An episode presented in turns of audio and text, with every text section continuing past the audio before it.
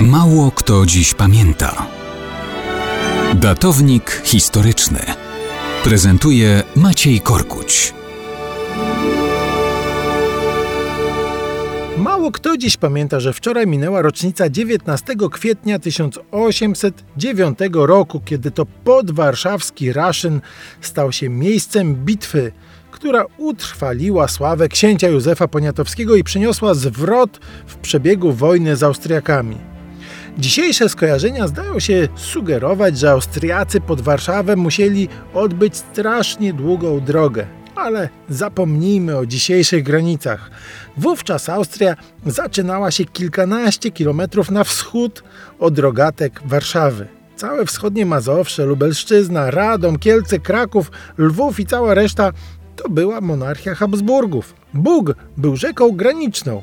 Po jednej stronie Rosja, po drugiej Austria. Mińsk Mazowiecki Siedlce to były miasta austriackie, bo księstwo warszawskie kończyło się tuż za Warszawą. Konflikt tegoż księstewka z Austrią był częścią wojny napoleońskiej Francji przeciw antyfrancuskiej koalicji. Na ziemiach polskich Austriacy chcieli wykorzystać fakt zaangażowania przez Napoleona dużych sił, również polskich, w Hiszpanii. Przez to księstwo wydawało się łatwym, niebronionym przez Francuzów łupem.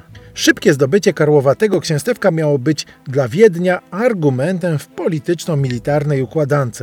Więc ponad 30-tysięczny korpus austriacki spodziewał się łatwej kampanii. Tymczasem książę Józef Poniatowski pod Raszynem na przedpolach Warszawy stawił skuteczny opór. Bitwa była zacięta i nierozstrzygnięta, chociaż Austriacy mieli dwukrotną przewagę. Po niej wojska Habsburgów utknęły w Warszawie, tracąc inicjatywę, a Polacy skutecznymi działaniami szachowali ich siły w różnych częściach polskich ziem pod austriackim zaborem. Finał polskie zwycięstwo, austriacka porażka i likwidacja habsburskiego panowania na wschodnim Mazowszu, Lubelszczyźnie i w Małopolsce od Radomia, tak, tak, to historyczna Małopolska, aż po Kraków.